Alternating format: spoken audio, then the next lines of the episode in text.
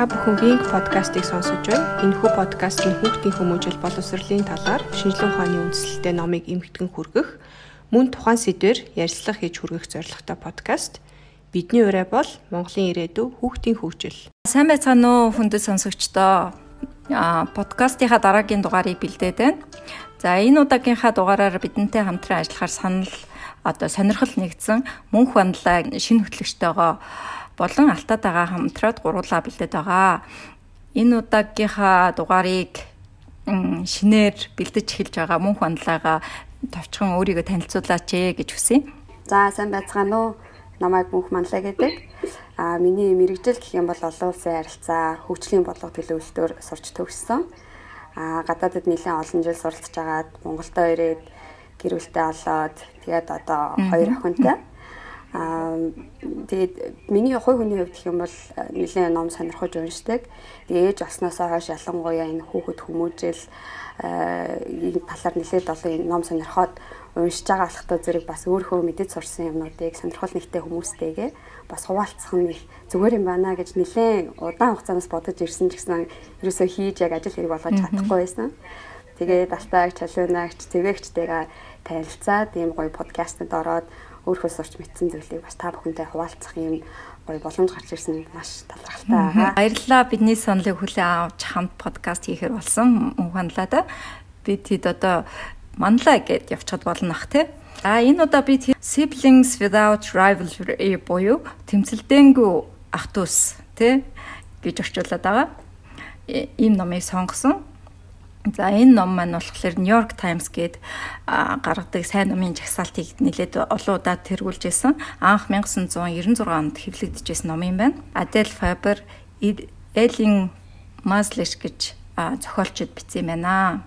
Маргааныг шийдвэрлэх, харилцаагаа сайжруулах одоо хүүхдүүд гэр бүлтэй те ангидаач гэсэн өрсөлдөөнтэй байдаг штэ те тэр өрсөлдөөнийг бууруулж нөгөө харилцаанаасаа илүү баяр баясгалантай одоо мэдрэмжийг олж авахт нь илүү ухаалаг амьдралд одоо хэрэгжүүлж болохоор зөвлөмжүүдийг өгсөн их сонирхолтой хэрэглэхэд их амар тийм ном байгаа. А номныхоо бүлгүүдийг уулзалт хэлбэрээр ингээ бичээд одоо нэгдүгээр бүлэг гэхэд эхний уулзалт, хоёрдугаар бүлэг гэхэд хоёрдугаар уулзалт гэсэн хэлбэрээр тухайн үед гарч ирж исэн асуудлуудыг хэрхэн яаж шийдвэрлэх вэ гэсэн хэлбэрээр бичигдсэн байгаа. За ингээ манлаа маань зохиолчхоо тухай танилцуулах бах тий. За тэгээ за энэ хоёр зохиолч маань ерөнхийдөө энэ том хүмүүс болон хүүхэд хоорондын харилцааны чиглэлээр нэлээд одоо олон жил судалгаа хийсэн яг энүүгээрээ мэрэгчсэн юм олон улсын юм экспертүүд хүмүүс юм байна л та. Тэгээд хэрвээ сайн нөгөө сонсогчд маань өмнө нь уншижсэн бол хүүхдүүдтэйгээ хэрхэн ярилцвал тэд маань биднийг илүү сонсдог болох юм бэ гэдэг нь олон улсын бестселлер номнуудыг гаргаж ирсэн. Тэгээд дан ганц Америк төдийгүй бас Канада, Европ нэлээд танигдсан бүр Оброгийн энэ ток шоунд нь хүртэл бас урагдаж оролцож ирсэн бас өөртөө ийм гурван хүүхдийн эцэг их ийм хүмүүсүүд байгаа. Хүүхдүүд бол хоорондоо ингэж өрсөлдөө тэмцэлтэй байх нь сайн талтай, мууч талтай. Тийм болохоор үүнийг зөвөр чиглүүлэхэд нь аав ээж бидний оролцоо ямар их өндөр байдаг юм бэ гэдгийг гаргаж хүмүүст ойлгуулж хүргэхийг хамгийн гол нь зорьсон болохоор энэ номыг бичсэн гэж зохиолчд маань тайлбарлсан байлээ. Аа. Маань 7 бүлэгтэй байгаа. 7 бүлгийнхаа эхний хоёрыг би яриад явна. Дараачийн хоёрыг манлаа ярина. Тэгээд сүүлийн хоёрыгоо алтаа маань ярих бах тий. За ингээд эхнийхээ бүлэг рүү орцгоё. А эхний бүлэг маань болохоор ах дүүс буюу эгч дүүс аян өнгөрсөн ба өнөөдөр гэж байгаа тий. Тэгээ эхнийхээ уулзалтыг хийж байгаа тий зохиолчд маань. Тэгээд эхнийх нь уулзалтын үеэр гурван төрлийн асуулт тавьсан байгаа. Эхний асуулт нь болохоор танаа хүүхдүүд юунаас болоод ингэ муудалцаад байдаг юм бэ гэдгсэн. Тэгээд эцэгчүүдийн хариулт бол янз бүр гарч ирсэн. Эхнийх нь болохоор тэ хүүхдүүд ерөөсөө ямар ч шалтгаан байхгүй ямар ч нөхцөлд маргалдах зүйлийг олж аваад бүр биентэйгээ муулзаал эсвэл биенийгаа хорлоол, чимхээл, цохоол, тэ нэр хоч өгөөл аль болох биенийгээ ингээ гомдох үйлдэлийг хийгээд идэг байсан. Аа тэгтэл бас бас нэг эцэг их ингээ хэлж байгаа нэ. Би охиндоо тэг насан туршдаа ингээ хамгийн сайн найз байх тийм дүүгэн төрүүлж өгсөн гэж өөрөө бодоод байсан. Тэгсэн чи охин маань дүүгээ би үзий яддаг гэд уурлаад ээжийнхаа аавынхаа хүлээж ирсэн шал ондоо хариултыг хэлдэг байгаа тийм. Зөв дараагийн асуулт нь болохоор за хүүхдүүд ингээд аа хоорондоо муудалцаад хэрүүл маргаан үүсгээд байд юм байна. Гэтэл одоо бид нар эцэг эхчүүд хүүхэд байхдаа ах トゥ нартайгаа хэрхэн ямар харилцаатай байсан бэ гэдгийг асуулт урган гарч ирж байгаа тийм. Тэгээд асуудал нөгөө нэг уулзалтанд ирсэн хүмүүс маань тийм их дүү нартайгаа яаж харилцдаг байсан тухайга жишээгээ өөртөөхөө туршлагуудыг ярилцсан хуваалцсан. Ах нь ингээ дүүгээ дугуун жахт нь маш хурдтай ингээд түрээд бүр ингээ зогсохгүй ингээ хүчтэй айлгаад нөгөө дүү нь ингээ айгаад үйл уурлаад болооч зогсоогооч гэж орлоод исэн ч гэсэн ах нь зогсоохгүй тэгээ нөгөө дүү нь ууранд орж ирээд гэртээ уцаа аваад цагдаа руу залгах гээд одоо яг дугаарыг нээжсэн байгаа. Азар тэр үед нөө ээж нь орж ирээд зогсоогоод миний охин чи ингэж болохгүй штэ гэд би энэ тухай автаа чинь ярилцсанаа гэд өнгөрөөсөн байгаа. Тэгээ орой нөгөө охин чин орно аавгаа ирэхэд ингээ нуугдаал ээж аваасаа нуугдаал буруу юм хийчихэр хүүхдүүд унтдаг штэ тий. Унтчаад үргэсгдэг штэ. Яг тэгж яхад нь аав нь хурж ирээд ингээд сэрээгээд миний охин чи ингэж уураа илэрхийлж болохгүй штэ гэд тайвшруулад буцаад унтуулдаг. Гэтэл нөгөө охин чинь тайвшир тухайн үедээ тайвширж байгаа юм шиг мөртлөө тэгэл удахгүй уур нь гараад ирсэн тийм. Уурыгаа бүрэн гаргаж чадаагүй гэсэн үг л дээ нэгсэн дөө. За мэдээж дандаа ийм муу жишээ бас байхгүй. Мэдээ сайхан жишээ байгаа. Нэг хоёр охин байгаа. Энэ хоёр охин болохоор ээж нь уурлалаар хуйлдаад хоорондоо өлсгөлэн зарладаг байсан гоо тий ээжийнхаа хийж өгсөн хоолыг идэхгүй. Тэгээд тэр хоёр туранхаа байсан болохоор ээж нь хоол идэхгүй болохоор сандраал твдэл өстой юу хийхээ олж ядаад хэцүү байдалд орд юм байл та. Тэгэхээр нөгөө хоёр охин чинь нуугаад ээжтэй мэддэхгүй юмаа иддэг. А хэрвээ нэг нь өлсгөлэн зарлах юм бол нөгөө хоол идж байгаа нөгөөхтөө хоол авчираад өгчдөг байсан юм аа. Тэгээ ингээ ихтэйгээ сайхан дурсамжтай байдаг байсан.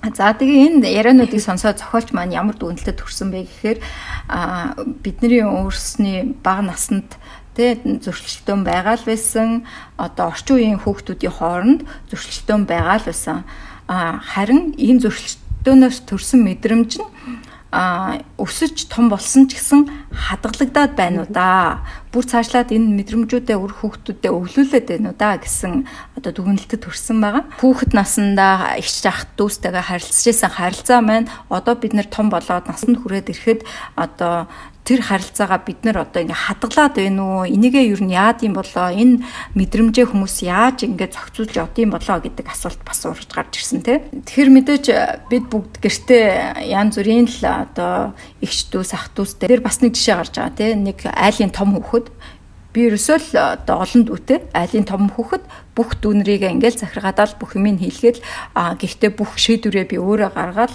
явдаг а зодох үед нь дүүнрээ зодчихно. Харин тэднийг ингээд хин нэгэн дээрлэх юм бол би тэднийг одоо өмнөж өмөрч зодтолдог.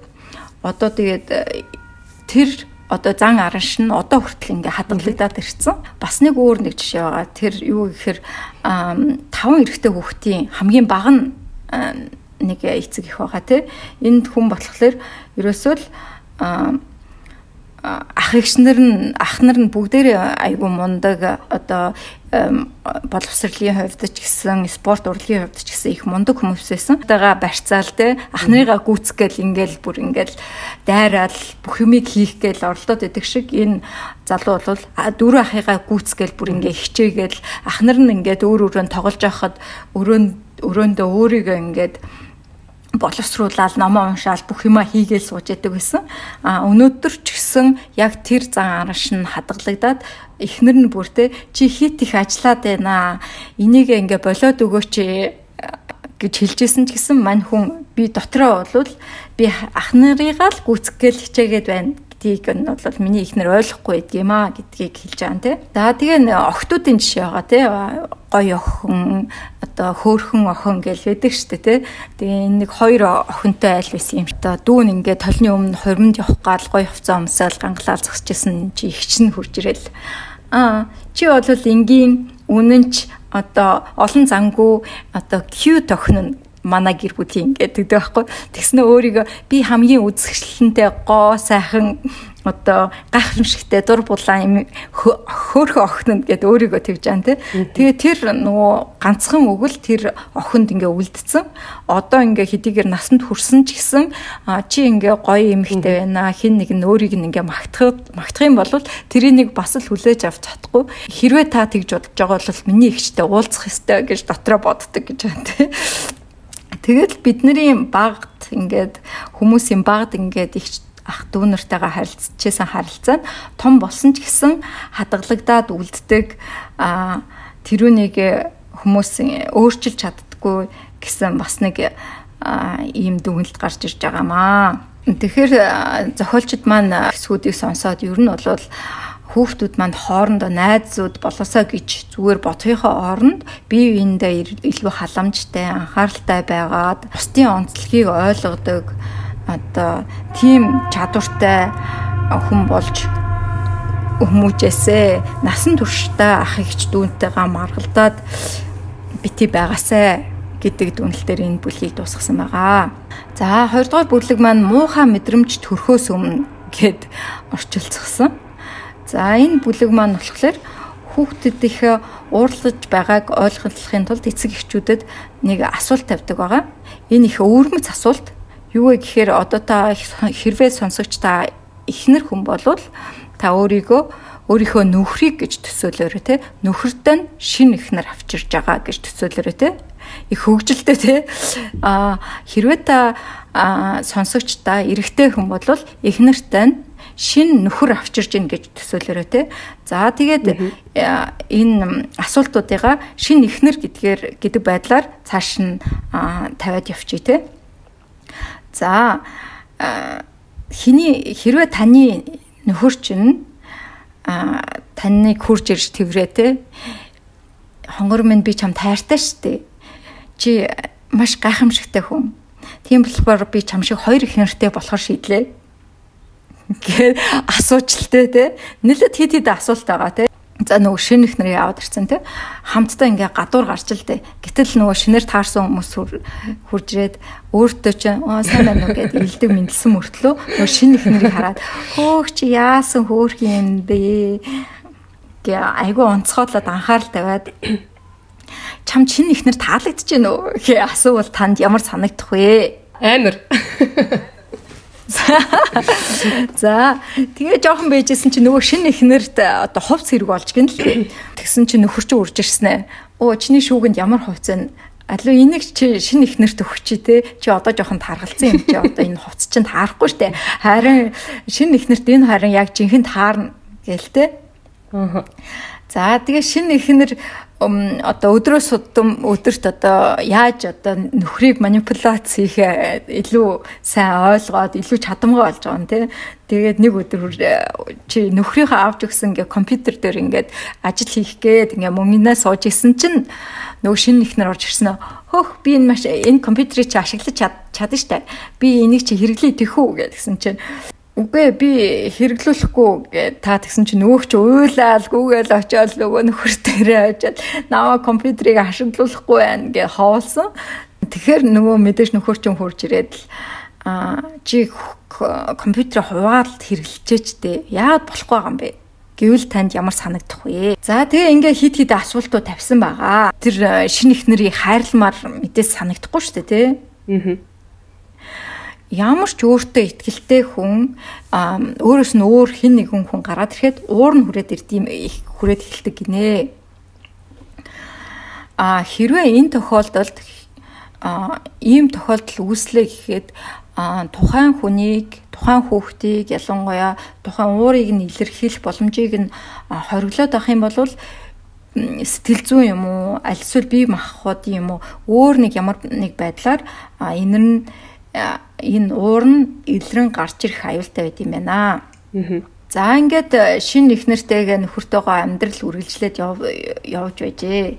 Гэтэл шин ихнэртэйгээ дасан зогцож амьдрахын оронд түүнийг улам уур нь хүрээд гэрте байлгамааргүй санагдаад байвал ер нь яах юм бэ? Нөхөр чинь чи наад чи ямар утгагүй юм бэ? чамд ингээд шинэ ихнэрийг ад үзээд авах ямар шалтгаан байгаа юм бэ? Чи ингээд ахарч миний уур хүрээд идэв штэ. Наадах чинь би дахиад сонсомооргүй байна гэн хурчин хэлвэл ямар вэ?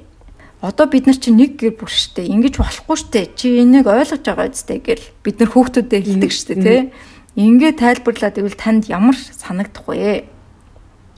Энэ асуултуудыг асуусан чинь нөгөө уулзалтанд оролцож байгаа эцэг эхчүүд минь ёо шал мангар юм.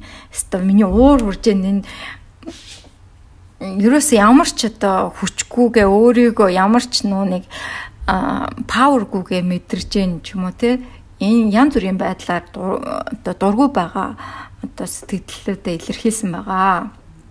Тийм тэгээ зохиолч маань надад их одоо айгүй тийм зөв аргаар эцэг эхчүүдэд ойлгуулах гэж бас оролдож энийг бас ийм жишээг авсан байх гэж бодож байна л та тий. Яг одоо бид нар томчууд те яг бидний амьдралд ийм юм тохиолдвол та нарт ямар мэдрэмж төрөх үү, ямар хэцүү байх вэ те? А тэрүү шиг адилхан хүүхэд ялангуяа одоо том хүүхэд гівгэнд одоо дүүтэй болоод ингээд гэр бүлт нь шинээр ингээд гэр бүлийн одоо тий гişүүн ингээ нэмэгдэхэд тэр хүүхдэд ямар мэдрэмж төрж болох уу гэдгийг та ингээд төсөөлөд үзээч гэсэн үүднээс ийм жишээг бас хэлж үзсэн. Их зөв жишээ, их айтайхан жишээ санагдсан. Энэ бүлгийн маань сүү эцэст нь бол одоо хэрвээ хүүхэд чинь ингээд шинэ ялах дүүтэйгээ барьцаад та дандаа л ингээд наа жоох хүүхэдтэйгээ байгаад байх юм гэхээр нь үгүй би чам ном өгдөг штэ гэхийнхээ оронд ээж нь жаахан дүүтэй нь жоох хамт байж байгаа чин чиний дургу өрөөд байна те гэдэг ч юм уу те. Хэрвээ ах нь дүүгээ одоо муу үгээр хилээд ах юм бол шулам ч юм уу те чи муухай гэдэг ч юм уу хилээд ах юм бол зүгээрээ битито гэхийн оронд ах чин чамайг шулам гэхээр а чиний уурч хүрээд байгаа юм бэ штэ гэд мэдрэмжийг нь үгээр илэрхийлж өгөхөд туслана те а хэрвээ эгч мууха намайг юрөөсөө дагуулж явдаггүй гэхээр миний хөө бити гомдлоод ээ эгч нь хүүхэд хажуудаа дагуулж явах дурггүй штэ. Чи мэдэн штэ гэхийнхээ оронд ганцаараа үлдэх нь сайхан биш л те чи юу мэдрээд байгаагаа зургаар ч юм уу илэрхийлж болно штэ. Том болсон хүүхдүүдэд захаа бичүүлж болно штэ гэдэг ч юм уу те илүү бүтээлч байдлаар шийдвэрлэх арга замуудыг нь хүүхдтэй зааж өгч бас болох юм уу те аль болохоор хүүхдээ одоо ойлгох тий ойлгож байгаа гэдгээ бас хүүхдээ бас илэрхийлэх нь чухал юм байна шүү дээ тий тэгж тийм арга замуудыг зааж өгсөн жишээнүүдийг гаргаж өгсөн байгаа. За ингээд 2 дугаар бүлэг маань дуусчаа. За 3 дугаар бүлэг маань харьцуулах маань хэр хор уршигтай байдаг тухай ярина. За сая өмнөх бүлгүүдэд бол ерөөхдөө хүүхдүүд маань хоорондоо ингээ хэрхэн тэмцэлтэй булаацалтаад ер нь тэмцэл нь хэрхэн одоо өрнжидэг тухай ерөөхдөө гарсан. Харин энэ бүлгийн тухайд бол арай асуудлыг арай өөр өнцгөөс нь харахгүй юу? Одоо энэ хүүхдүүдийг хүүхдүүд маань хоорондоо эндээ тэмцэлтэй байхад нь магадгүй энэ томчууд ээж аав бид нар бас тэрэнд нь нэрмээс болоод байдгийн биш үстэй гэсэн агуулгын тухай ярилцах байгаа. За яг үнэндээ бол ээж аавд бид нар болохоор санамсаргүй юм шиг хэрнээ хүүхдүүдээ хооронд нь ингээд жишээл эсвэл харьцуулаад л идэм байна л та. Эсвэл бүр одоо ингээд хоорондоо ичдүүс биш одоо нэг хүүхдтэй айл бас байна шүү дээ тий. Одоо чинь би энэ миний өөрийн жишээ авахгүй юу. Аа тэгэхээр тэрэнд болохоор одоо ингээд эгчдүүтэй нь харьцуулахын оронд айлын хүүхэд одоо ийм байхад яхаараа чи одоо тийм байд юм ч гэдэг юм. Манай энэ л юусэн ийм штэ тэр айлын хүүхэд тийм мундаг ийм ч гэдэг юм. Ингээ ерөөхдөө ингээд айгүй олон хүмүүстэй ингээ харьцуулаад байдаг. Тэгээд энэ мэт ийм санамсаргүй хэрнээ энэ маш их ийм хор уршигтай харьцуулах юм үйлдэлээс болоод хүүхдүүдийн маань сэтгхүүд ямар ийм амир хор нөлөө үзүүлдэг юм бэ гэдэг талаар бид нар бас өөрсдөө сайн нухацтай бодолцож үзэх хэрэгтэй байгаа юм а гэсэн санааг манай зохиолч маань төвшүүлээд байгаа. За тэгээ энийг бол жишээн дээр ингэж илүү тайлбарлавал нэлээ ойлгомжтой болох байх гэж бодож байна л та. Жишээ нь гэх юм бол одоо ингэ гэрийн даалгавраа хийхгүй байгаа одоо бага хүүхэд нэ шүү дээ. Тэгэхээр тэрэн дээр чи одоо харалтаа миний охин агаашгүй хурдан гэрийн даалгавраа яг цаг тухайд нь гоё ингээ хийчих цаа юу ч гэдэг юм уу. Эсвэл ингээл хоолоо хүүхдүүд чи идэхээр ингээл нэг асгад цутгаал байж байдаг шүү. Хэдий том одоо 5 6 хүрсэн байсан ч гэсэн тэгж яхад нь чи дандаа ингээл нэг жоохон хүүхчиг асгад цутгаал байлгүй нэг наатаха айтах идчихтэй ч гэдэг юм. Энийг би бид нар ингээд өдөр тутамдаа зүгээр л ингээд ерөөсөө тэгэж ухамсарлахгүйгээр ерөөсөө бүр амнаасаа ингээд шул тул гараад явцдаг. Тэгжээд л ингээд бид нар яг ингээ хүүхдүүдтэй ингээ шаардлага тавиад ингээ харьцуулаад чи юм байх хэвээр тийм байх хэвээр гэсэн юм ингээд хилээд байхад хүүхдүүдээс маань яг ямар реакц үзүүлж байгааг нь бас нэг сайн анзаараад үзээрэй гинэ. Бид нар болохдоо зэрэг ингээ автоматар ингээ лөө ийм л байх хэвээр тэр бат ингээ сайн хийж байгаа бол миний хүүхд ч гэсэн ингээ сайн хийх хэвээр гэдэг ингээ өөртөө автоматар логикоор бодоод байдаг. А тэгжээд л хүүхдүүдийн оюун ухаан болохоор бидний нөгөө том хүмүүс шиг тийм логик байдаггүй юм байна л. Логикоор боддгоо.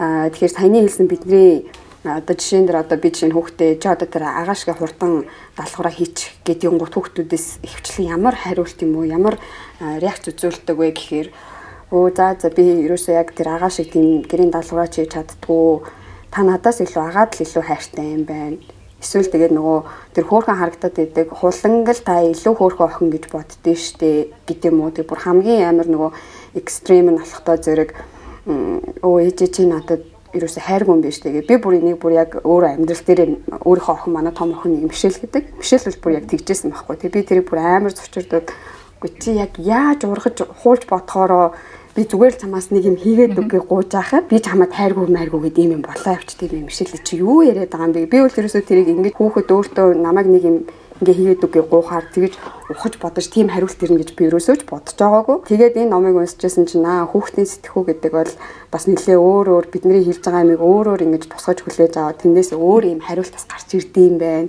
Тэгэхээр бас бид нэр хүүхдтэй хэлэх үгээ бас нэлээд бодож ээж цэгэнжээж ярих хэрэгтэй юм байна гэдгийг бас ингэж энэ нөгөө нэг жишээнүүдийг харж байхдаа бас өөртөө тусгаж ойлгож авчихсан. За тэгээ нөгөө ном маань нэлээд юм нөгөө семинар ингээд бодит сургалтууд тэгээд хоорондоо ярилцаад ийм практик э, байдлаар одоо нөгөө суурилж бичигдсэн гэдэг дээр тайлбарласан шүү дээ. Тэгэхээр тэр сургалтанд оролцож исэн хүмүүсүүдээс бас нэлээд олон санаанууд гарч ирснийг энэ номон дээр бас тусгасан байсан л да. Ихэнхдээ одоо хүүхдүүдээ тэр шиг энэ шиг байлдаа гэд ингээд шаардаад байхаар хүүхдүүд чинь нэг их эсэргүүцээд эсвэл хариу олон юм яриад байлгүй зүгээр л дуугаал олчдээ штэ гэж хэлдэг бас хүмүүс байсан гинэ тэр донд нь. Аа тэгээд зохиолч маань нөгөө өөрийнхөө бас нөгөө тухай нэлээх ярьдаг штэ тий ном дээрээ. Тэгээ өөрийнхөө жишээн дээр ингээд бодоодсэн чинь одоо ээж нь юу гэдэг чи ихчгээ чи тийм байл та. Ихч чинь тийм байхад ийм байл та гэд нэлээ ингэж нөгөө манай зохиолч руу нэлээ одоо атак гэх нь хашаа. Гэхдээ ингэж нэлээ тулж хилдэг байсан болохоор тэр охин болохдоо зэрэг аа ээжээс ээж хол баймаар тэр дээрээс нөгөө айгу мундаг мундаг гэдэг хуланч гэдэг юм уу нараач гэдэг юм уу цэцгээч гэдэг юм уу тэр аль алнаас нь юусэн юм холхон байх юмсан гэж боддог байсан гинэ.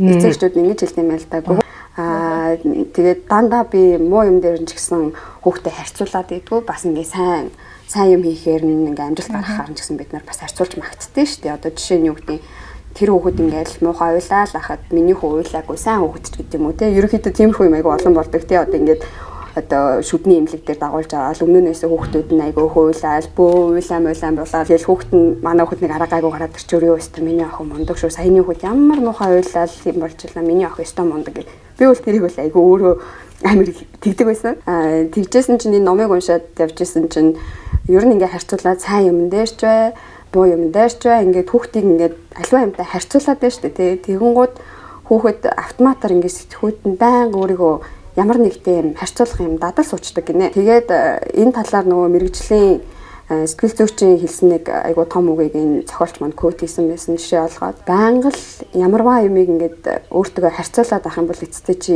аз жаргалгүй хийнэгэн болж хувирдэн шүү гэсэн үгтэй энэ зохиолч бол нэлээд санал нийлжсэн. Би ч гэсэн ер нь тэрийг одоо бодоод хахад дан биш том хүн бид нар ч гэсэн тийм шүү дээ. Ингээл тэр юм байна, юм байна гэл өөрийгөө ямар нэг юм дарцуулаад хахад байнгын тийм ад жаргалгүй эсвэл нэг юм дутаад байгаа ч юм шиг эсвэл нэг амар мундаг яваад байгаа ч юм шиг ингээд тэр иймэрхүү харьцуулт хийн гэдэг бол ер нь айгүй буруу юм юм биш үү. За тэгээ номыг уншаад явж байхад бас энэ за тэгвэл бид нэр ер нь хизээ ингээ хүүхдүүдэд харьцуулаад идэм бэ гэсэн нэг асуулт гарч ирж байгаа. Тэгээ зохиолч маань болохдоо зэрэг эцэгчүүдэд хандаад хизээ хүүхдүүдээ ингээд харьцуулж хооронд нь жишээд байгаагаа бас сайн бодож үзэх хэрэгтэй. Тэгээ өөрийг нь бол хараад ахад бүр ингээ хамаг байдаг уурн дээр зэгтээ ингээ хүрээд бүр хариугүй тесрээд байж атах гээд байгаа үедээ бүр ингээ хэл хөггүй болоод идэв шүү дээ. Тэр үедээ хүүхдээс үлчээстэй яаж юм уу байж чаддаг байна ч юм уу. А эсэргээрээс бол хүүхд нь бүр нэг айгүй мундаг ямар нэг юм төрүүлээд ч юм уу эсвэл бүр нэг юм бодож байгаагаас нь бүр хамаагүй юм дээгүүр амжилтанд хүрсэн үед нь баярлаж тоглосон да миний хүчтэй нэрэ хамгийн шилдэгэн юм аа одоо ч нэрийн тим ээ миний харахад тим ийм олон хүүхдүүд дундаас ингээд зураад гараад ирлээ ч гэдэг юм уу. Яг ингээд хамгийн хамгийн дээд яг ийм момент иймэрхүү цаг хугацаатай үед хүүхдүүдэд ерөөхдөө харьцуулж гадаад юм байна. Тийм болохоор эцэгчүүд бид нэр за энэ харьцуулах гэдэг муу үйлдэлийг ер нь болий. Хизээ энийг хийгээд байгаагаа өөртөө бас ингэж анхаараад жоох ингэж ажиглажээ. Тэг яг хийх гээд яг ингээд автаад ирэнгуут нь хөө за ингэж болохгүй шүү манлаа. Би одоо яг ингээд хүүхдээ бас ингээд харьцуулаад нөгөө муу юм руу явах гэдэг шүү. За болиё доо гэдэг өөрөө өөртөө бас нэг юм тохио өгч явах хэрэгтэй шүү гэсэн зөвлөмжийг манай зохиолч маань өгсөн байсан. За тэгээд за тэгвэл энийг яаж засах юм бэ? Хүүхдээ ингээд болохгүй буруу юм хийсэн байх юм бол тэрэн шиг энэ шиг муу юм хийлээ гэхийнхээ орно яг яг хийсэн юмных нь яг юу нь ээж авд нь таалагдахгүй байгаа юм гэдгээ яг сайн тайлбарлаж өгөх юм байна л да. Эсвэл хүүхд маань ингээд юм амжилт гаргасан байх юм бол яг юунд нээж аав нь баярлаад байгааг нь хэлэх зүгээр л миний хөө мундаг гэж зүгээр ингээд бид нар чинь заримдаа залхуураал ингээд хэлцдэг шүү дээ. Өө чи бол хамгийн шилдэг шүү. За болоо. Тэрний хооронд илүү нөгөө нэг миний хүү ингэж хичээгээд өдрөө болгон ингээд тооныхоо даалгаврыг ингээ хөөрхө хийгээд исэн болохоор миний охин чадлаа гэдэг шиг яг нөгөө наривчилж нөгөө яг юуг нь чийсаа хийсэн болохоор ээж аав нь баяртай эсвэл илүү тийм ерөнхий мундаг юм эсвэл чи айгу муу гэдэг ах нь бол жоохон буруу юм байна л гэдгийг ойлгож авсан. За тэгээд нөгөө номны маань яг нөгөө сүүлийн хэсэг дээр яг нөгөө зургаар үзүүлэл тайлбарладаг шүү дээ. Жээ уг нь ингэжээвэл хүмүүс ерөөхдөө ингэж алдаа гаргадаг. Гэхдээ тийм биш гэдгийг ингээд зургаар тайлбарлалтан. За тэрийг бид нэр ингээд амаар өгүүлбэр тайлбарлахыг нэлээ хичээж ин зургаар харуул их айгүй ойлгомжтой юм лээ. За жишээ нь энэ дэр муу жишээ гэх юм бол миний охин одоо ингээд ийм том болцсон юм чинь жоох хөвчөг тоглоомоо энэ тэнд ингээ муухай хаяхгүй те гэж хүүхдэд хэлхийнхээ оронд хэрвээ миний хүү гой ингээд тоглоомоо хураагаад тавьчих юм бол өрөө ямар гой цэвэрхэн болох болоо тийм ээ. Мишэлийн өрөө ийм гой цэвэрхэн байвал ямар ахуулж гэдэг юм уу? Хоолой цэвэрхэд яасан муухай ингээд асгаад тутгаад идэв жиж одоо ямар жоохон ялхамтай юм уу гэж хэлхийнхээ оронд өө ээж нь надад ингээд дургүй юм байна. Жаахан дуу болохоор ингээл ийм юм асгад тутгаалаа хахад юу ч хилдэггүй мөртлөө намайг болохоор ингээл хилээд байх яалтчгүй манай ээж нь миний дүүд илүү хайртай гэсэн юм нэг автомат бодол нь ингээд ороод юм байна л да. Өө миний хүү одоо ингээ хоолоо асгацсан асгацсан юм уу да гэж хэлэх юм бол хүүхэд тэрийг надад илүү хайртай инээ тэрэ гэж олон юм бодохын хооронд өө ээж би тэгвэл арччихгүй ээж би салфетик аваад ирэх үү гэд ингээд өөр өөр юм реакц төрүүлэх өөр өөр бодлууд нь хүүхдэд өөрсдөөсөө цаанаасаа төрөөд гараад ирд юм байна. Тэгэхээр бид нар бол ялтчгүй юм чиглүүлэх зүгээр ситуац дээр нь тэрийг сайн муу гэж ингээд жааж юм уу ингээд үнэлэлт хийгээд байхаасаа илүүгээр тайлбарлаад яг юу хүсэж байгаагаа хүүхдүүдэд илүү тайлбарлаж өгөх юм бол тэд нар маань өөрсдөө бас бодож сэтгээд өөрсдийнхөө хөвхөн бас үйлдэлээр харуулж болт юм байна. За тэгээд энэ бүлгээ ерөөхдөө базаад хэлэх юм бол нэг хүн хин нэг ингээ магтаад ирэхээр л өөрийгөө тэрнээс нь дор юм байна гэдээ автоматар бодчихдог. Тэгээд энэ онцлогийг нь олохтой зэрэг ойлгож бид нар харьцуулж тэрнээс сайн энэс муу гэж тхихээ оронд юу харж яг юу таалагдж байгаа таалагдахгүй байгаагаа сайн хүүхдэд тайлбарлаж тэрнтэй илүү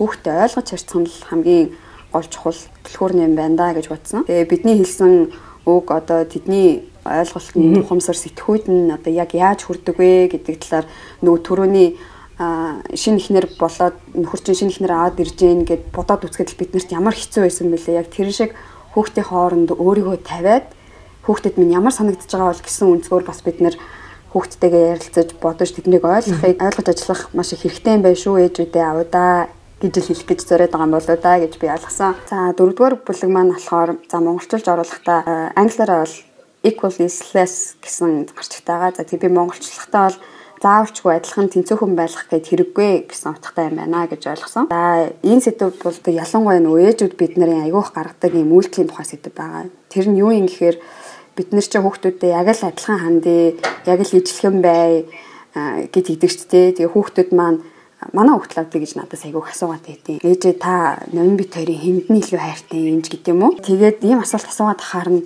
би гайхаад идэгс аахгүй яагаад манай хүүхд ийм юм асуугаад би одоо яг нэгэнд нь ингээ илүү дутуу юм хийцэн бахта тэгээд ах тусманд л улам илүү л адилхан бай гэж бодоод байдаг. Тэгжсэн чинь яг бодоод үзсэн чинь ингэж яг л адилхан бай, адилхан хандъя гэдэг маань яг үндэ жоохон бас буруу ойлголт юм байна гэж зохиолч маань гаргаж төвшүүлсэн байгаа да. Энэ нь бас надад их сонирхолтой санагдсан.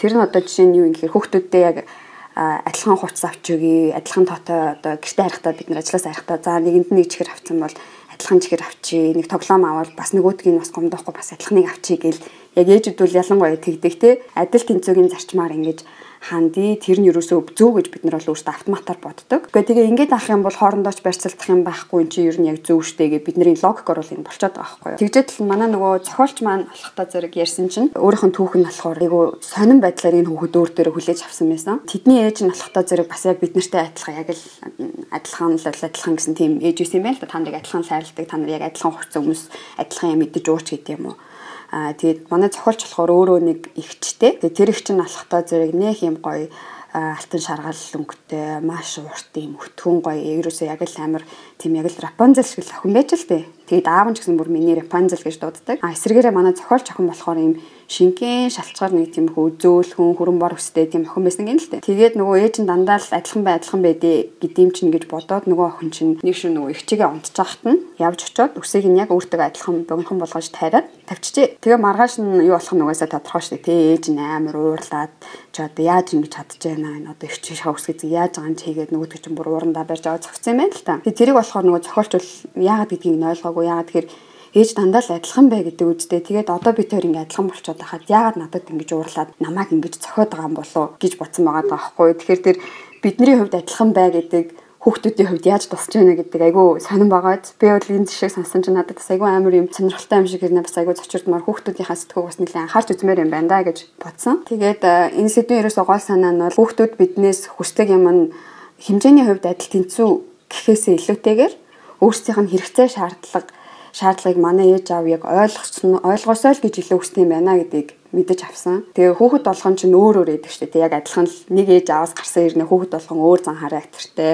өөр хүсэл сонирхолтой, өөр өөр ертөнцтэй. Тийм болохоор тэрэндээ таарсан ийм хэрэгцээ шаардлагыг бас ээж аваасаа хүсээд идэг. Тэгжэл бид нэр тэрийг автоматар яг л адилхан байх га тэнцүү ерөөсөө яг л адилхан байгаа үстэй гэд ингээд муухарлаад идэх нь бас нэг бодлоо айгу буруу юм байна. Жишээн дээр тайлбарлал бас бүр дахиад илүү ойлгомжтой болох гэж бодож байна. Хүүхдүүд нөгөө ээжээ та одоо би тарийн хиндний л хайртай вэ гэж асуухаар хуучин бол би тэгдүүлсэн л та. Ёо мишэлээ би чамд хэдэн удаа хэлт юм бэ? Би яа чамд адилхан бас номонд ч адилхан хайртай. Та надаас гараа үст яг адилхан гэд ингэ хэлждэг байсан байхгүй юу? Тэгсэн чинь тэр бол мишэл бол надаас тийм хариулт сонсохыг хүссэндээ биш юм байна л да. Тэр охин одоо юу гэдэг арай нэг илүү надад анхаарал тавиад энийг хийгээд өгөөсөж гэсэндээ ч юм уу нэг магадгүй нэг арай өөр зорилготойгоор л надаас тийм асуулт асууж исэн юм байна. Би тэр хэрэгцээ шаардлагыг нөөрөө сайн тодорхойлж яг оолж уншиж чадаагүйгээр зүгээр л нэг автомат хариулагчийг чамд адилхан хайртай ямар олон удаа хэлдэм мэлд ингээд яваад исэн. Тэр маань нэлийн буруу болсон юм байна гэдгийг би ойлгосон. Хүүхдүүдийн хувьд илүү сайн тохиромжтой хариулт нь юу юм бэ гэх юм бол миний охин бол ээжийнхээ хувьд цор ганц тийм юм спешиал те хөөхөд гэдгийг мэдрүүлэхийн тулд миний мишэл бол ээжийнхаа цорын ганц юм мишэл Тэгээ миний охины инээд нь ямар хөөрхөн бэлээ. Чи намайг ямар гоё аз жаргалтай байлгдаг вүлээ. Мишэл маань ямар азар миний охин болж төрөөвэ гэж ээж нь байнга боддог штэ гэд хэлэх юм бол Мишэл одоо миний охин ч гэдэг юм эсвэл одоо айлын хүүхэд ээж ээжтэй ээж минь намайг ямар онцгой хайраар хайрлт юм бэ? Би тэр хүний хувьд ямар тийм өвөрмөц тийм тусгай ертөнц юм бэ гэдгээ өөрөө мэдэрч мэдрээ тэрнээсээ илүү ингэж гоё ээж хүүхэд хоёрын хайранд хоорондох тэр харилцаа нь илүү гоё бат бэхжээд нэг илүү гоё нэг юм харилцаа эндан харилцаа нь үүсдэг юм байна л та. Тэгээ энэ бүлгийн ерөөхдөө гол мессеж хүргэх гээд байгаа санаа нь гэх юм бол хүүхдийнхаа онцлогтод тааруулж хүүхдийнхаа тэр хэрэгцээнд нь тааруулж хэмжээгээр ярихаасаа илүүтэйгээр илүү чанарт нь анхаарч харьцаж ханджаяа гэсэн санаа байгаа. Бас нэг чухал хүргэх гээд байдаг сургамж нь гэх юм бол гэртэн хийдийн ингээл яг эгчтэн хоёрыг өгөөл дүүд нь хоёрыг өгөөл яг адилхан юм ингээл гэртэн тийм байгаа л ээжэл хүүхэд бас яг автоматар нөгөө гадаад нийгэмд гарахтаа бас яг тийм юм за надад яг л юм тий болдод өгсөн хоёр машинтай яг адилхан машин надад бас ирэндээ гэдэг ингээ автоматар ингээ хүлээлт үүсгэж сурчдаг юм байна. Тэгжээд л яг үүндээ нөгөө амьдрал бол шудраг биш гэдэг э, одоо сургамжийг хүн болгон мэдэн тэгж энэ сургамжтай эртнээс нь ер нь танилцуулаад авсан дээрээ тийм болохоор бит яг адилхан адилхан гэдэг ингэж энэ утгагүй санааг битгий гэрт нөөгшүүлээрэ гэсэн нэг юм хэсэг. Тэгээд ерөнхийдөө нөгөө энэ хоёр сэдвийг надад өөрт төрсэн одоо сэтгэл гэх юм бол яг одоо нөгөө ялангуяа энэ хүүхэд болгон онцлог шүү гэдэг мэдээж чухал. Гэтэ дахиад нөгөө энэ ном маань бол нөгөө барууны гэдэг юм уу те одоо нөгөө Америк хүмүүс одоо бичсэн ийм ном болохдоо зэрэг хитрхи бас нөгөө амар нөгөө юм индивидуализм гэж ярьдэн шүү дээ. Илүү хитрхи нөгөө хувь хүн чи одоо тийм шүү гэд. Хитрхи тэр дэврэгсэн байдлыг нь бас илүү хөөрөгдөд байх бас магадлалтай болохдоо зэрэг жоохон шүүлтүртэй хандах хэрэгтэй байх гэж бодоод байгаа. Мэдээч хэрэг энийг яг л нөгөө нэг балансыг нь тааруулаад аа хүмүүс бид нар бас хүүхдүүдэд яаж өсгдөг вүлээ бидний бас нөгөө өөрсдөө нэг хэмжүүргэж байгаа шүү дээ тий Тэгэхээр тэрнтэйгээ яг айгүй гоё тунгийн тааруулаад авахыг нь аваад хаяхыг нь хаяад тийм гоё шүүлтүүртэйгээр бас ингээд өөртөөхөө хүүхэд хүмүүжил бас зарим нь одоо хэрэгтэй санаануудыг нь тусгаад явах юм бол бас илүү зохимжтой юм болов мэдээж хэргийн ном дээр гарч байгаа бүх санааг ингээ копи пейст тэгээ шууд ингээ хэрэгтэй юм байна гэж хол мэдээж зохимжгүй тэгэхээр яг гой жоохон монголчлоо за энэ дээр үл яах вэ хөөгээд тусгаад явсан зөв юм байна гэж бодсон. Тэгээ миний хувьд л ямар ч байсан за ажлаасаа хайраад хүүхдтэй ингээл нэг юм авахаараа заавал адилхан тим эмэгч гэдэг юм уу тэрийг ер нь авах болиё гэж шийдсэн байгаа. Миний одоо ганц гаргасан том шийдвэр бол тэр л дээ. Сайн байна.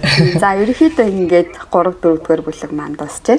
За 5 дугаар бүлэг маань аа болохоор одоо хүүхдүүдтэй бид нар одоо хэрхэн роль өгдөг хүүхдүүдэд хэрхэн бид нар одоо тодорхойлдог ийм хандлага байдаг талаар энд ярилцдаг. За тэгээд ингэж хүүхдүүдэд роль өгж хүүхдүүдтэйгээ харьцаар энэ нь болохоор хүүхдэд бол бас муугаар нөлөөлдөг тийм юм байна. За хүүхдүүдэд бид нар ямар ямар байдлаар ойл өгдөг вэ? Ямар ямар байдлаар бид нар хүүхдүүдэд тодорхойлдог вэ тийм ээ? Аа за зөндөө жишээ байгаа те. За манай энэ охин болохоор одоо юу гэдгийг хичээлдээ сайн. Манай хүү болохоор сахилгагүй. За манай энэ болохоор одоо юу гэдгийг айгүй залхуу те. Аминчхан гэдэг ч юм уу. За манай одоо энэ охин болохоор их авьяастай, энэндээ авьяасгүй гэдээ бид нэр айгу тодорхойлдог тийм ээ. За ингэж хүүхдүүдийг тодорхойлоход болохоор а удаан хугацаанд тэр хүүхдэд болохоор одоо тэр хүүхд өөрийгөө харах өнцгт нь бол одоо бас нөлөөлдөг юм байна. А мөн бол энэ нь ах эгч дүү нарт нь бас бас нөлөөлдөг юм байна. А явандаас тэр хүүхдийн дүүх нь хоорондын харьцаанд нь бас ингэж сөргөөр бас нөлөөлөх тийм одоо үзэгдэл бас гардаг юм байна л да. Хүмүүс хүүхдүүдэд түрүүн бид нараас ярьсан тийм ээ. Манлаа ярьсан байгаа. Хүүхдүүдэд бид нар харьцуулж их ярьдаг аа гэж. Жишээ нь одоо нэг хүүхд ингэж ярьсан байна л да. Өө би одоо ихчгээ тийм хичээлдээ сайн биш ээ гэдэг юм уу. Эсвэл одоо манай дүү болохоор айгүй тийм түргэн ууртай, айгүй их ааштай. Тийм болохоор бол манай ээж аа хоёр намайг бол манай гэрийн хамгийн одоо тайван нь гэж одоо хэлдэг гэдэг ч юм уу тий. Хүүхдийн одоо тий айлын одоо хиддэх хүүхдээс нь шалтгаалж тэгээ хүүхдүүдтэй бид нар бас тодорхойлол бас өгдөг. Роль бас өгдөг тий. Бас юу юм. Их чинь болохоор чи заавал нөгөө дүүтэйгээ юмаа хуваалцчихъя тий. Чи юм гоё найс байх хэрэгтэй. Дүүч ойлгож авах юм бол аргадчихэ гэх юм автоматар заавал нөгөө хөөх юм ин жоохон эднэр чинь 5 6 настай бүр заавал нэг тийм амир юмыг ухамсарлаж ойлгох боллоо байгаа шүү дээ. Би л ав яг тэгдэм билээ. Тэгээд э, эсвэл нөгөө энэ миний л ном би өөрөө уншин гэдэг юм яг тийм уу. Чи айгүй муухай юм хуваагчсэн зантай хүн байна ч гэдэг юм яг ингээ би бүр тэрээр одоо ингээ харахаар яг энэ харин тийм дүр хуваарлалт хэд дээр харангууд автоматар би охиноо ингээд нөгөө зүгээр өөрийнх нь юмыг хүнтэй хуваалцах байгаагаас нь үдээд хуваагч юм тэгээ муухайштай охин гэдэг юм одоо тодорхойлт өгчөж байгаа байхгүй. Тэгэхээр энэ бол бас айгүй муухай хүнлэг бүс арга байна тий хүүхдийг ингээд тодорхойлцохоор те өөрийгөө сорж ямар потенциалтай гэдгээ ирж хайдаг юуг хийх авьяас чадвартай гэдгээ одоо олж мэдхээс имэдэг болчдөг хүүхэд. Тэг ингээд тийм болохоор одоо жишээ нь одоо түрүү манлаа те одоо охиноо ингээд те тийм одоо чи ингээд дүүтэйгээ хуваалцах байгаа юм чинь айгу юу юм бэ? Одоо амиа ууцсан амиа хичээсэн гингүүд чинь тэр чинь ингээд хүүхд том том болсон ч гэсэн адилхан би чинь нэр амиа хичээсэн хүн штэ тий би чинь ер нь их муухай хүн юм байна гэд ингээд ер нь тэр нь толгооноос нь ер нь гардггүй бас энэ дээр өөрт болсон бас өөрийнхөө баг тохиолдсон бас түүхээ хуваалцдаг а зохиолч нэг ихчтэй гэж бид нар хэлсэн тий. Тэгээд ээж аа хоёр нэг удаа хүүхдүүдтэй зариулаад төгөлдөр хураа авч өгдөг. За тэгээд их чинь арай өөрөөс нь одоо ихчвэсэн болохоор төрүүлээд нөгөө төгөлдөр хуурын хичээл авдаг. За тэгээд их чигаа ингээд төгөлдөр хуурын хичээл авч яхад нь бол өөрөө их айгүй хажууд нь суугаад их сонирхоод айгүй ингээд өөрөө бас хурдхан шиг ингээд их чигээ том болоод төгөлдөр хуурын хичээл авахынсаа ингээд айгүй мөрөөддөг байсан юм байна л та. 2 жилийн дараа ингээд төгөлдөр хуурын хичээл аваад ингээд тэгсэн чинь багш нь болохоор а тэр хүүхдэд тэгж хэлдэг одоо энэ зохиолчд те чи ямар ч одоо авьяасгүй юм байна хичээхэн хажууд чи те чи ер нь айгу муу сурагч байна гэд хэлсэн юм байна л та тэгээд тэгж хэлэхэд нээж аа хоёр нас байсан. Тэгээд аавч хоёр нь за ерөөсөө энэ манай охин бол энэ төгөлдөр хууртаа бол тийм тэ энэ хөгжимөндөө бол нэг тийм аяастай биш юм байна. Ерөөсөө энэ хичт нь илүү анхаарал тавиад явсан дэр юм байна гэд. Тэгээд өөрийг нь одоо өөр юмар хичээлүүлээд хичээг нь хичт нь илүү анхаарал одоо тавиад төгөлдөр хуураар нь илүү ингэж явуулсан байгаа. А өөрөө болохоор зохиолч өөр болохоор айгүй тийм хөгжим дуртай хөгжмөөр явах юм сонирхолтой байсан юм байна. Тэгээд өөрөө болохоор хичнээн ингэж багш нь өөрийг нь муу сурагч удаан удаан сурдаг мурдаг гэж хэлсэн ч гэсэн өөрөө ингэж өөрийгөө хөгжүүлэх гээд айлболохоор ингэж өөрөө хуваараа ном ном уншаад ингэж нэг хэсэгтээ ингэж өөрөө сурж явсан юм байна. Аа за тэгээд хэсэг хугацааны дараа тэгээд тэрийг хайдаг. Мэдээж эцэг эхийн бас тийм дэмжлэг бас байхгүйсэн болохоор тэгээд ингээд бид нар ингээд хүүхдүүдэд ингээд яг тэр байгаа үед нь ингээд ямар байна тэр ингээд хүүхдээ ингээд тодорхойлцохоор бас ингээд дараа нь энэ хүүхд чинь ингээд за за би угаасаа л ийм юм байна. Цаашаа би хичнээн орлоо гэж гисэн те. Ингээд угаасаа би авьяасгүй юм чи одоо ингээд надад ирээдүй байхгүй ч юм уу те. Магадгүй тэр үед бас өөрөө ингээд хүчгүй бас ингээд санагдсан байх л та. Тэгээд хүүхдийг болохоор одоо байгаа энэ байдлаар нь биш гэ тэ аль болохоор тийм одоо хичээл зүтгэлд үзүүлж байгаа энэ байдлаар нь энэ аа чанараар нь одоо хүүхдийг дүгнж хүүхдтэй одоо хандах нь зүйтэй гэж одоо зохиолч маань хэлсэн байгаа. За тэгээд ер нь эцэг эхчүүд яагаад хүүхдүүдэд ингээд тодорхойлоод роль өгөөд байдаг юм бэ? За зохиолч маань ганц хоёр бас санааг энд хэлсэн байгаа. За мэдээж э, бид нар хүүхдүүдэд бас нэг илүү сайн болоосоо те аливаа зүйлийг улам сайн хийгээсэй гэсэн үүднээс одоо урамшуулах үүднээс тэгээ илүү жоохон өнгөрөх үүднээс бид нар хэлдэг шүү дээ те. За мөн бас эцэг эхчүүд өөрсдөө байхгүй зан характераа бас хүүхэдтэй байгаасаа гэж хүсэж хүүхдүүдтэй бас ингэж рол өгдөг юм байна л да. За жишээ нь хэм бол одоо нэг эцэг эхийг баг багт нь те томоотой гэдэг юм уу чи аюу тий манай нэг хүч аюу номын ерөөсөө нэг хийж тийшээ гараад ингээд хөдөлгөөн байхгүй юм юм их дуртай хүүхэд биш гэдэг ч юм уу ингээд номын ингээд бид нар ингээд нэрлэлчтэй шүү дээ. Тийм тэгээд энэ бас ингээд бас хүүхдүүдэд ингээд тэ үнэхээр ингээд бас ингээд тодорхойлчихж байгаа байхгүй хүүхдийг тийм ийм тийм гээд а бас нөгөө талаасаа болохоор эцэгчүүд өөртөө бас байдаг муу зан авираа бас хүүхдтэй хүүхдэд нь бас байгаа юм шиг бодож хүүхдтэйгээ бас харьцдаг. Гинэ одоо юу гэдгийг чи аавынхаа тэр муу занг авчихсан ч гэдэг юм уу энэ миний муу занг авцсан. Миний энэ ингэдэг одоо те юмыг хоошлуулдаг зан авцсан. Миний энэ одоо юу гэдгийг амар тийм хурдан юм санаа зовдөг энэ занг авцсан ч юм уу те. Тэг яг энийг яг хоёр талаас нь бас авч бас бодож үзэх хэрэгтэй хэл та. А юу гэдгийг хүүхдтэй одоо баг би ч одоо юм хэлж болохгүй болчиход байна одоо тий нэг юм хэлэхээр л одоо хүүхдэд тодорхойлчиход байгаа юм биш л те.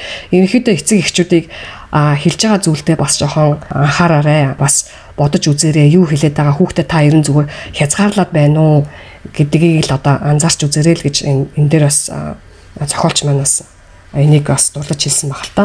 За эцэгчүүд өөрсдөө ингээд хүүхдүүдтэй ингээд рол өгөхөөс гадна хүүхдүүд бас өөрсдөө бас ингээд дүрд орж тоглолт юм байна. Аа ялангуяа одоо ингээд хүүхдүүд ингээд тэ бусдын сайшаал юм уу бусдаар хүлээн зөвшөөрүүлэхийн тулд бас өөрсдөө ингээд сайн хүүхдийн дүрд орж тоглолдог гинэ. Аа за бас зарим хүүхдүүд болохоор ээж авахын ч юм уу те бусдын анхаарлыг татах гад бас муу хүүхдийн дүрд бас тоглолдог. Нэг хөөрхөн жишээ хэлсэн шүү дээ. Ингээ нөө ах トゥ хоёр ингээд э, ах нь ингээ туранхай жижигхэн биетэй, дүү нь ингээ том биетэй. Айгу бак. Тэгсэн чинь нөө ах нь би хамгийн хүчтэй би юм ондгно гэл юмаа өргөл хийдэг. Тэгсэн чинь нөгөө дүүн ахаасаа илүү том хүчтэй биетэй мөртлөө оо би хүчгүй гэдээ өөртөө итгэсэн. Тэгээд хизээ хизээ тэр дүүн өөрөө өөрийгөө ахаасаа хүчтэй том биетэй гэдгийг ойлгох юм болоо гэдэг чинь. Тийм. Гэж одоо хүүхэд бие биендээ ингэж харьцаж байгаа энэ болгоныг бид нар бол хянаж тэрийг олвол айл тэрэнд нь оролцсон гэж байхгүй. Тэгэхээр зөвөр ерөнхийдөө бид нар энийг бас анзаарч явах зүгээр юм байна шүү гэж надад тийм бодол орж ирсэн л те. Ер нь хүүхдүүд ингэж хоорондоо бас ингэж ройл биш хүүхдүүд бие биенийг бас ингэж тодорхойлдог юм байна. Хүүхэд бас өөртөө юм тодорхойлолт өгчдөг юм байна. Эцэг эхчүүд нь бас хүүхдүүдэд ингэчдэг юм байна бас те. Тэгэхээр энэ ийм одоо өргөн бас сэдв байна. Бас энэ дээр бас бодолцох юм бас байгаа юм байна шүү гэж надад ийм бас сургамж өгсөн. За За энэ бүлгийн хамгийн сүүлд бис нэг өөрийнхөө нэг одоо анзаарчсан зүйлээ бас оруулъя гэж би бодсон. За энэ дээр ч гэсэн бас зохиолч маань бас нэг өөрийнхөө бас санааг бас хэлсэн байсан л да. Хүүхдийг ингээд бид нар сайн сайн сайн чи өстой мундаг гэд хэлдэг те. За ялангуяа энэ баруунд бол хүүхдүүдэд бол ерөөсөө хит одоо цаасан малгай өмсгөлөд байдаг юм шиг надад санагддаг. Бараг л одоо хийсэн болгон болгоныг нь л одоо тий чи өстой мундаг чи ямар мундаг юм бэ л гэдэг байхгүй юу.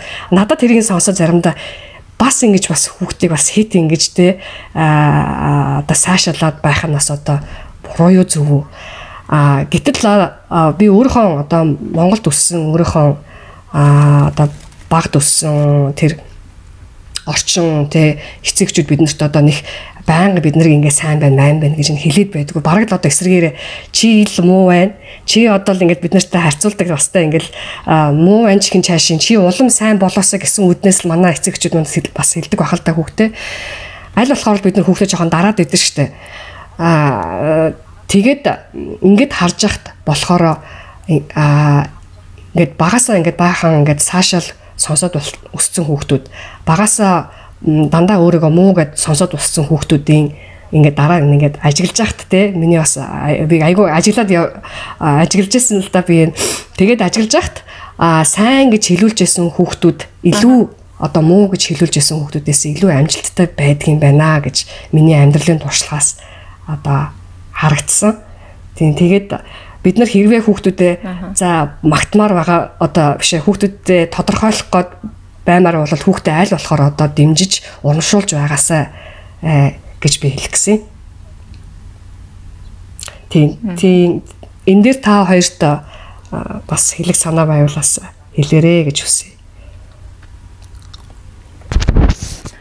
А энэ дээр би бас сайшаалгаад байгаа хүүхдүүд бас нэг жоохон яг нөгөө дандаа сайшаагдахын тулд ингээ хит хичээгээд өөрийгөө стресséнд оруулаад аль эсвэл сай хүмүүст сайн харагдахын тулд заримдаа зүгээр дүр эсгсэн юм хийдэг ч юм уу те бас хит магтах нь бол бас тийм жоохон сул таттай байдгийн байлээ шүү гэдгийг зохиолч маань бас хэлсэн байгаа те яг үнэн тий үйлчлэгийг нь оролдлого нь тэр хүүхд тэр их оролдлого гаргаж байна.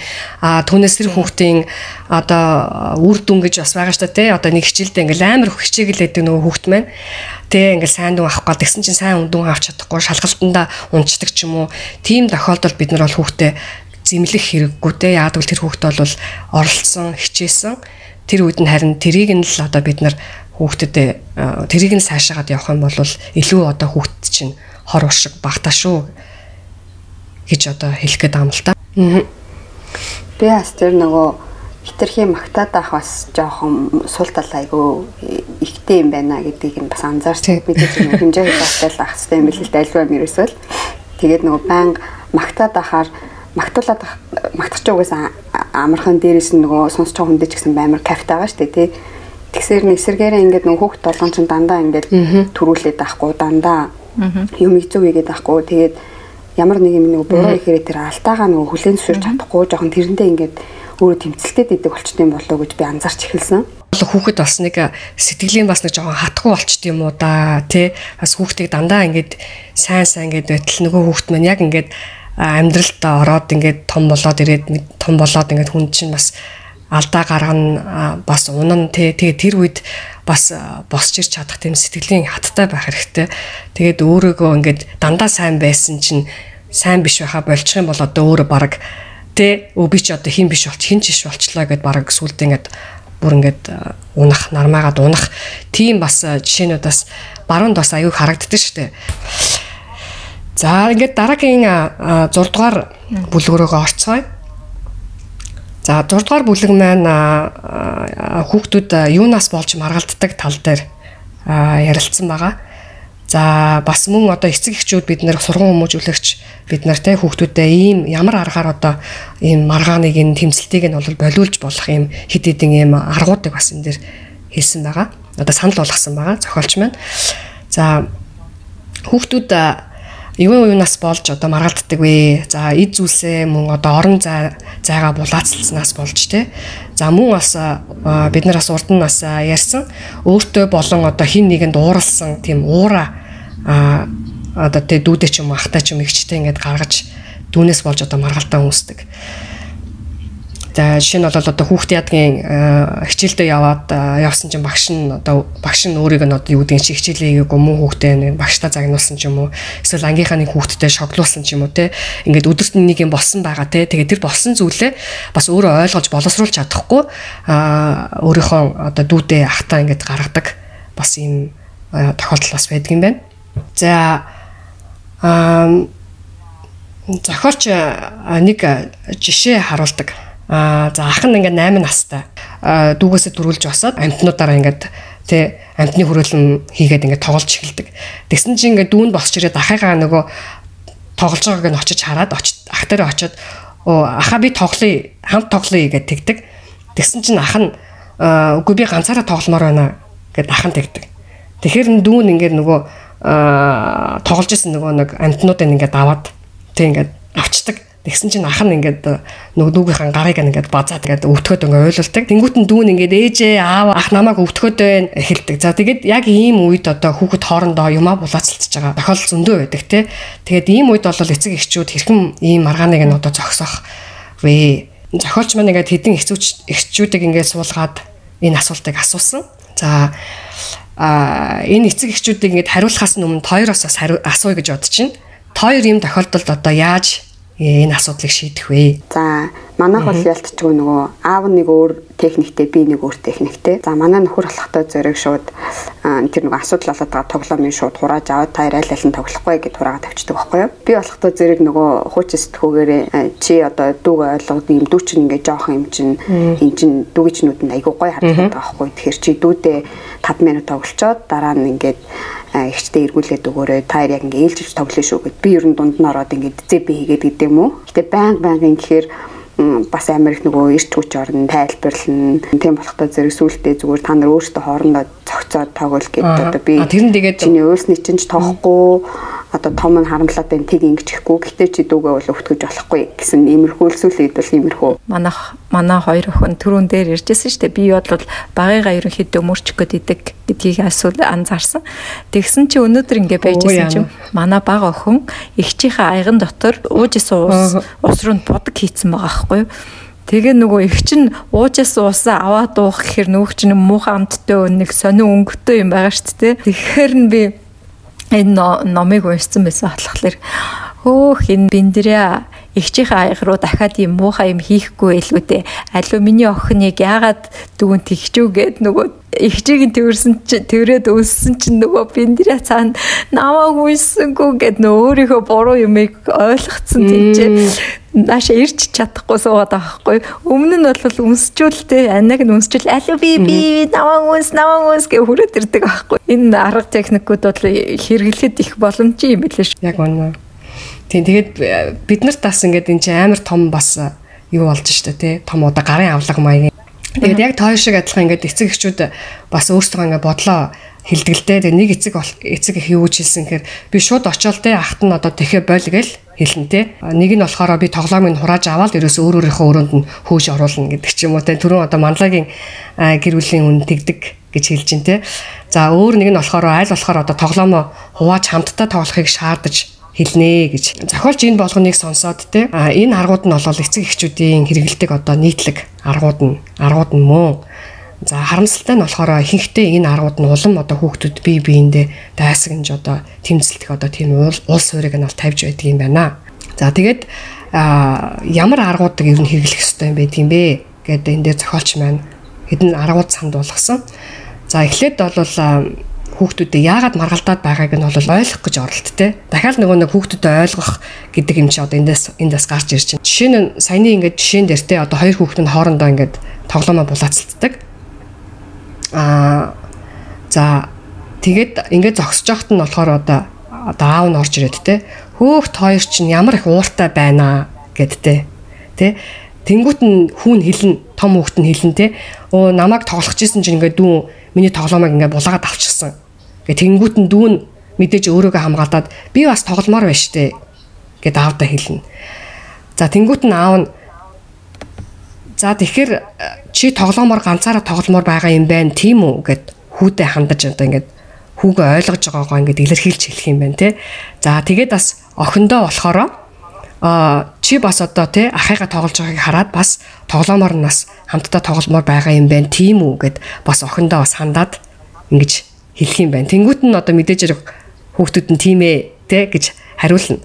За тэнгүүт нь аав нь хаа за тэгвэл хоёр хүүхэд яг ингэж одоо те яг ижил тоглоомоор яг одоо ингэж тоглохыг хүсэж байгаа хүсэж байгаа юм байна. За тэгэхээр та хоёр өөрсдөө энийг хин нэг нэгэ гомдоохгүйгээр тийм шийдвэр гаргаж чадна гэдэгт одоо аав нь итгэж байна. Та хоёрыг уучраа олж байхад нь одоо аав нь гараад одоо сонир уншаад сонио уншчихъя гэд өрөөнөөс нь одоо гараад явах жишээтэй гинэ. За ингэж ийм байдлаар бас ингээд бас аливаа юм маргалдааныг бас ингээд зохицуулж бас зохицуул зохицуулж одоо болноо. Хүүхдүүдийг ингэж өөрсдийг нь хүндэлж байгаа мэдрэмж төрүүлдэг мөн хүүхдэд одоо итгэж байгааг нь одоо харуулах нь бол одоо чухал юм байна тий. За а мөн бол одоо том хүүхдтэй ингэж ийм байдлаар одоо хүүхдүүдтэйгээ харьцахад тий а том хүүхдийн хувьд болохоор аав нь бол өөрийг нь одоо шууд автоматар чи том юм чи одоо буруу дүүдээ шууд тоглоомоо дүүтэйгээ хам тоглол гэж аав нь хэлээгүй.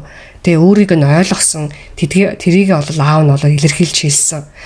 Аа мөн бол ахт нь болохоор тий чи дүүгээ дүүдээ одоо тоглоомоо өгөө гэж шууд шаардаггүй тий ах нь аав нь болохоор хоёр хүүхэдтэй шударгаар ингэж хандсан тий тэр хүүхдийн ахыгын тоглоом юм мөн шүү гэдгийг нь бол а хүлэн зөвшөөрсөн. Ийм тохиолдол бол одоо миний хувьд бол би очиод шууд тий чи дүүтэйгээ юм хаваалтаа дүү чи бас хам тоглоно штэ адилхан л одоо тоёрт би зориулж аваа эзтэй ч гэдэг юм уу. Би бол тэгэл хэлж байсан л та. За хүүхдтэйгээ саяхын саяны энэ байдлаар харьцахад бол баг хүүхдэд нь ямар одоо мэдрэмж төрж болох вэ гэхээр за өө аав намайг одоо бас тийм жоохон гэж бас боддгүй юм байна те. Тэгээд те. Тэгээд нөгөө нэг хүүхд чинь ингээд нөгөө эцэг эхийн харахаараа жоохон ингээд уйлагнаад бид яадаг штэ.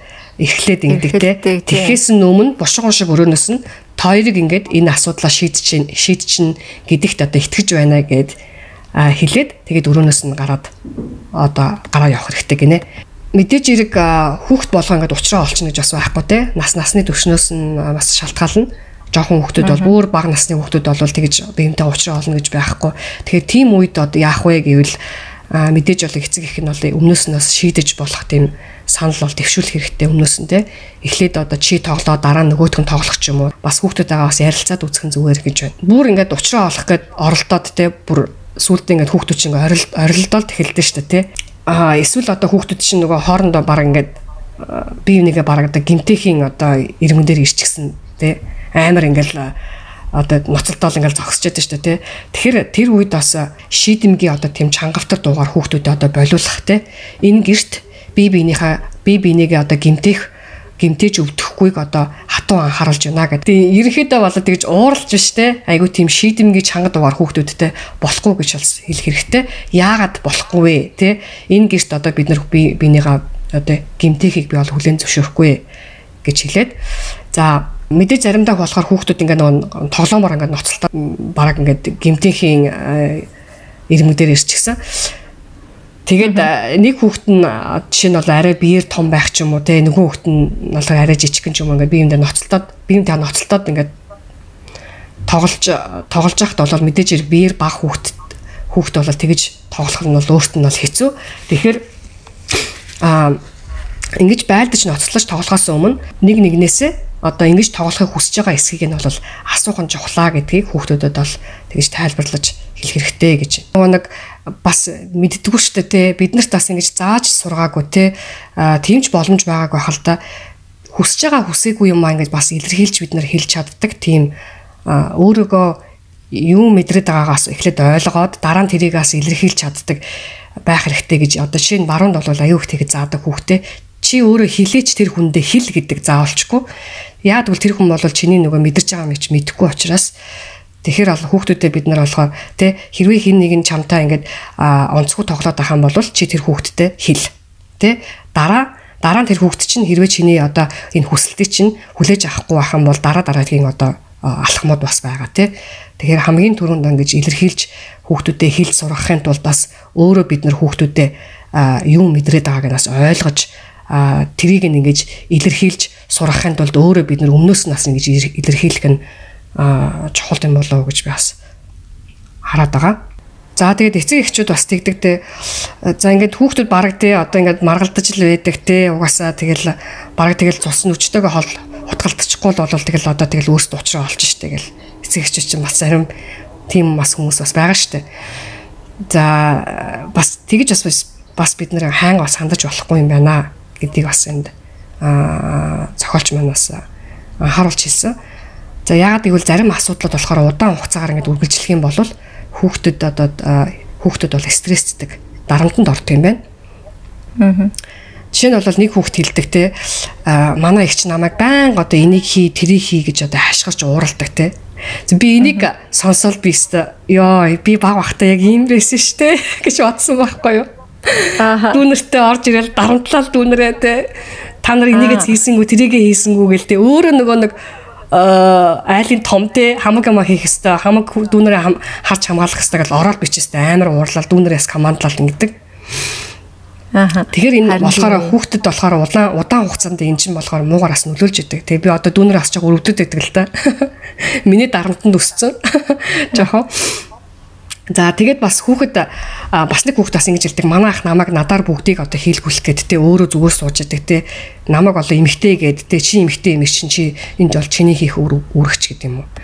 За нэг хүүхэд болохоор манай ах намайг ерөөсө дуулуулдаг те намайг дуулахаар л ингээл намайг муухай дуулдаг бойл мөл гэж болиулдаг гэл те а эсвэл ингээл аав шари осны дараа намайг ингээд өгөнд нь орохгүй байх гэд манай ихч манай ах ингээд намайг зоддог гэл те Тэгээд энэ хүүхдээс ингээд асуудаг юм. Энэ хүүхдүүдээс ингээд асуусан байна л да. Аа зохиолч та нар яагаад тэгээд ийм ээж аавда та нар яагаад хэлээгүй юм бэ гэд асуусан юм байна. Тэгсэн чинь хүүхдүүд хариулахдаа болохоор оо аав чир тэгэл сонсохгүй штэ ойлгохгүй штэ намайг тэгэл зүгээр л хов зөгөөд байна гэж ойлгон штэ гэд хүүхдүүд гэж хариулсан. Аа.